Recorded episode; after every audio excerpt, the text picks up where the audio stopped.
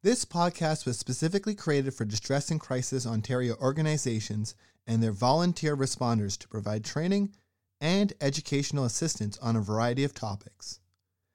As information evolves and changes, these podcasts are meant to offer ongoing support with the goal of updating them on an ongoing basis. We thank the volunteer responders and the contributors to this podcast. Please visit our website, dcontario.org, for more information and how to access free mental health services. Thank you.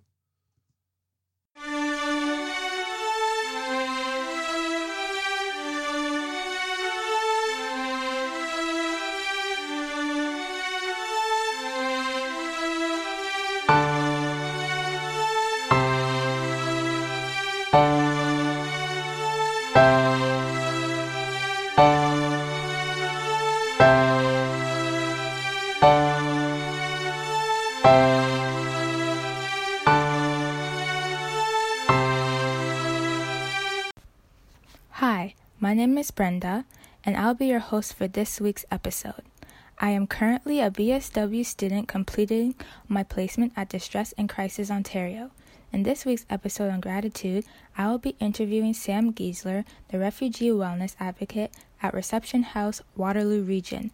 She shares how gratitude has played a powerful role in various ways at Reception House and other insights. Stay tuned to hear how gratitude has had a powerful impact at Reception House amongst the clients and the staff.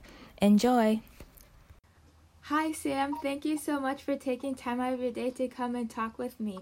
Um, before we start, can you please tell us about yourself, about Reception House, and the work that you do? Yeah. Um, well, thank you again, Brenda, for making time uh, for a discussion like this. So, my name is Sam Giesler. I am the refugee wellness advocate at Reception House, Waterloo Region. Um, speaking particularly about myself, I'm a recent graduate of the Laurier MSW program. I graduated in June of 2019, which in our current circumstance seems like so long ago in my mind because um, 2020 has definitely been a year for the books. Mhm. Um, so my background, I have a background in um, uh, global studies, peace and conflict studies, and have been doing settle, work in the settlement sector or uh, working with, with vulnerable populations for the last six years. So I was lucky enough to find a home at Reception House, Waterloo Region. Um, and in my position, uh, refugee wellness advocate, it's pretty much a fancy term for talking about mental health and wellness. Um, so a lot of my work is focused on helping people to explore what the Canadian context of mental health is, mm-hmm. what it could mean for them and their families, and making community connections. Because Reception House is an organization that is part of refugees, government assisted refugees, their journey within mm-hmm. their first year of being in Canada. So we mm-hmm. are part of uh, a network that can help to ground people within a new reality. Mhm. At the same time, we are fortunate enough to make connections with people and know that they are headed on a journey which we will not see the end result. So, a big part of my role is helping people to make connections in our community so that their long term mental health and wellness is attended to. So then part of my role also is working with community partners um, or other organizations in community to advocate for change, to talk about the gaps that we currently have within our mental health systems that make them inaccessible to refugee newcomers. Um, so every day can look a little different for me, Mhm. um, but I there's I'm very grateful for the the opportunity to walk alongside people as they begin or explore or question what their healing journey could look like. Oh, that's awesome. It sounds like a very rewarding job. Mhm. Um, and also, what is your definition of gratitude?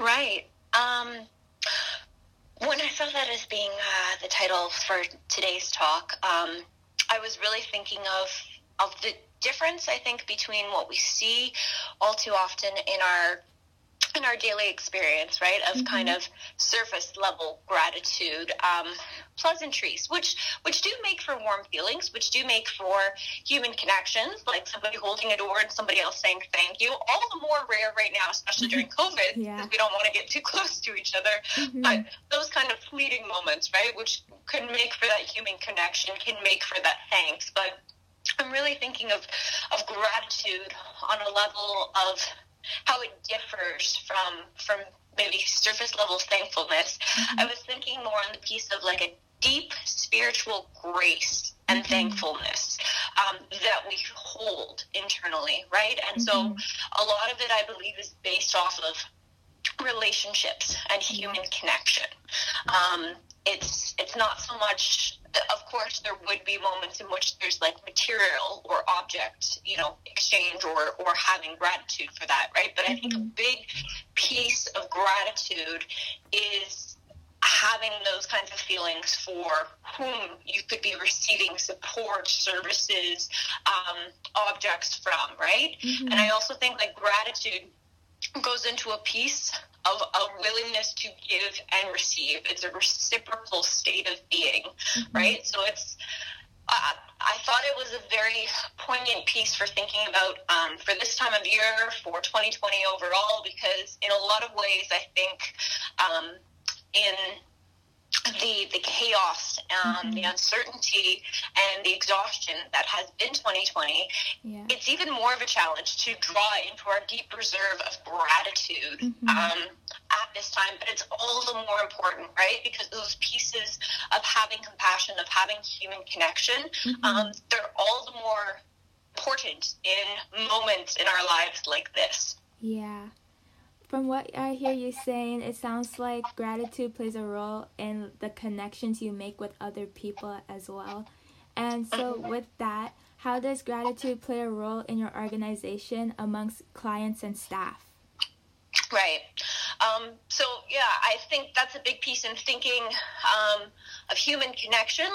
That's the basis for why Reception House exists. So, mm-hmm. Going back to the start of this organization, it's been about meeting people where they're at um, and not being able to do all things. Because, um, mm-hmm. of course, there are always limitations within the system, but really like walking with people, attending to needs, hearing needs, building connection, right? So, mm-hmm. I think gratitude is the very basis for why an organization like Reception House exists.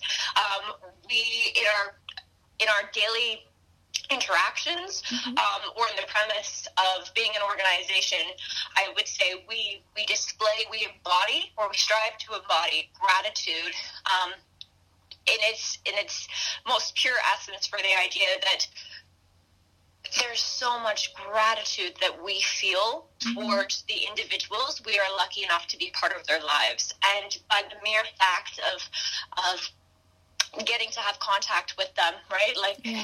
thinking about all the pieces that these brave individuals have experienced mm-hmm. throughout their lives and and being grateful that they're here in this moment in Canada, a country they would not necessarily choose to call their home because they, they want to be in their home. Yeah. But they, they take each and every day to have the, the courage to rebuild themselves as individuals, as families, and that they display some aspects of trust mm-hmm. with complete and utter utter strangers, right? Who yeah. we can say we're here out of a compassionate spirit, we're here to be with you, right? But mm-hmm. when one's human nature has been questioned, right, the the basis of your dignity and being treated as a human being yeah. um, has been called into question. It's really hard to open yourself up to new people. So mm-hmm. the gratitude I think we feel is that people are willing to take a chance on us, willing to let us be yeah. part of their journey.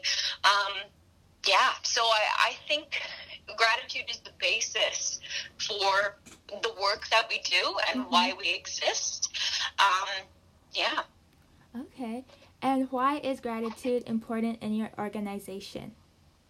Yeah, um, I think a big reason is to think of it keeps us focused on people. So as I keep describing gratitude as based on human connections, mm-hmm. uh, because we are we receive funding from IRCC, um, we are part of um, province-wide or national-wide organizations to look at like settlement pieces. There are all these systems um, that come into play, well-intentioned systems, but systems that have a tendency, as we know, to view people as numbers or to view people as moving through a linear progression through mm-hmm. life. When we know all too well that isn't people. People are unique. People yeah. are complicated.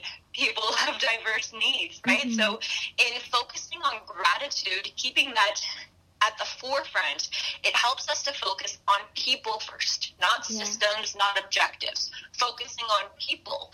Um, mm-hmm and it can really then bring into a sense of, of humility for us being able to say the things that we are able to do and the things we're not able to do. Because again, mm-hmm. we're focused on the individual yeah. um, and that respect of being transparent with other people, right? So I think mm-hmm. gratitude branches into so many other aspects of how we can do the work that we do in keeping people at the center. Mm-hmm. Yeah, it sounds like you guys have a lot of experience working with other people, and it sounds like you guys have meaningful connections within your organization, which I believe would mean that you have a lot of stories to tell. So, are there any personal stories about gratitude within your organization you would like to share? Yeah, I, I was trying to think back on this to think of any specific um, situations that call to mind for me. Um, there's been so many moments where I just feel in awe, right, mm-hmm. of of other people, whether it's my colleagues, whether it's the clients that we are lucky enough to serve, um, and some of them might just seem like fleeting small moments, right? Yeah. Um, but again, because the focus is on human connection, mm-hmm. human connection results in a feeling within another, right? So mm-hmm. it's something that at times you can't objectively see. It's something you're feeling with inside uh, a warmth, a closeness, a trust, a safety with another human being, right? Mm-hmm. So I'm thinking, and a lot of my pieces brought me back to thinking pre-COVID, and mm-hmm. the space that is our 101 David temporary accommodation, and that building I think is just premised off of the idea of this human connection. Mm-hmm. It's it's a rather chaotic space to be. Pre-COVID, we could have like six to eight families, twenty kids popping around the place. The, the, old house felt like it was coming alive, but mm-hmm. the interactions you could have, the conversations, yeah. um, those those are huge pieces that just happened like daily and um, with spontaneity mm-hmm. and the yeah, the feelings that it left for people who were involved. I know that was one big piece that a lot of us have been commenting on since COVID. Yeah. Um, is that loss of the house? Is the loss of what it feels like to be in the house. We are lucky enough now to be welcoming mm-hmm. um, more newcomers, but the system has changed dramatically. Families are coming and they stay in a hotel for the first two weeks. Okay. So that drastically changed the connection we have. We can't go and see them. We're doing everything over the phone or video. Mm-hmm. When they do come into temporary accommodation, everything has to be scheduled down to like when a family gets to cook in the kitchen because we can't have more than one family in a space at a time.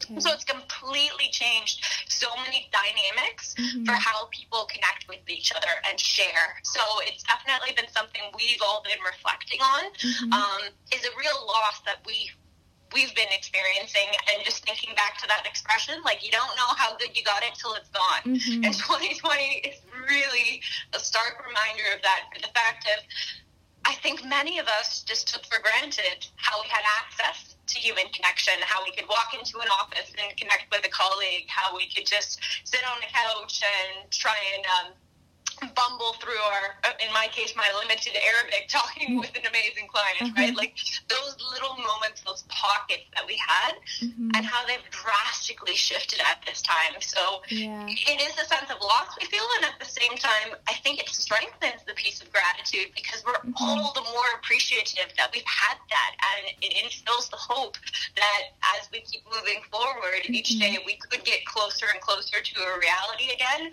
where we can have connection connections with people, those deep connections yeah. um, that really build the space for um, healing and trust and community mm-hmm. and a lot of the reasons why we do the work that we do. Yeah, it really sounds like you guys really know how to um, appreciate and engage in human connections as a source of strength and resilience, even through these tough times. So, is there anything else you would like to add that we did not touch on? Um, I can't think of anything. I greatly appreciate um, you taking the time to mm-hmm. connect with organizations such as Reception House mm-hmm. to speak about this piece. Um, I appreciate all the kind words you say about you know us demonstrating these skills yeah. at, at the piece it's all a work in progress right there's mm-hmm. no perfect piece of displaying gratitude it's an ongoing journey and some days we struggle with it more than others right yeah. the constraints of the day stress personal um, ongoings in one's life, it makes it harder to engage in a piece like gratitude because mm-hmm. gratitude takes over your whole body, I think. Yeah. Um, it's a state of being. So there are many things that can pull us away from gratitude, and we at Reception House, just like everyone else, we're learning. We're constantly learning. Um, mm-hmm. So I think that's our piece. Like we have a commitment to engaging in gratitude. Whether or mm-hmm. not we do it perfectly and seamlessly, that's another piece. Yeah. And I don't think that's fully achievable. But the commitment, and that's that's where we want to center ourselves. I think that helps to guide us um, as to how we want to view other people, how mm-hmm. we want mm-hmm. to connect. So I appreciate all of your kind words. Mm-hmm. Um, I think it's a journey for all of us, mm-hmm. and um, I really appreciate the chance for um, us to have this conversation about a very important topic that I think it's overlooked um, all too often, but mm-hmm. it's it's a core part. I think of how people do the work that we do, or even in our own personal lives, right? Like how we interact with those who are closest to us. Mm-hmm. Yeah, thank you so much for sharing this with me. I've been interviewing different people about gratitude, and it's interesting how different organizations and people engage in gratitude and experience gratitude. So, thank you so much for taking time out of your day to uh, talk with me today. I've learned a lot, and I know that the listeners will be happy to hear what you have to say. Many thanks. I look forward to um, listening in on the finished product and hearing mm-hmm. what so many of um, my community members and colleagues have been saying about how gratitude impacts their lives. So mm-hmm. thank you again for making this a discussion point for our community. Mm-hmm. Thank you. Have a good rest of your day. You too. Thanks. Thanks. Bye. Bye. Hi, I'm Damien one of the editors of the DCO Learning Forums podcast. Over the past year, we've been busy converting our Learning Forums series of videos into podcasts and thinking of new ways to continue delivering new and more in depth content. We've seen the demand, and we're announcing our move to Pinecast and our new tip jar function. Please consider going to tips.pinecast.com slash jar slash distress and crisis Ontario and donating and in return, we'll be recording new follow up episodes on some of our most popular topics. These will be accessible for tippers only and will help pay for travel, web hosting, etc. For the interim, you'll still be able to access existing content on both on both the Pinecast and Fireside feeds for free, but eventually we'll be making the switch to Pinecast. Thank you for your understanding.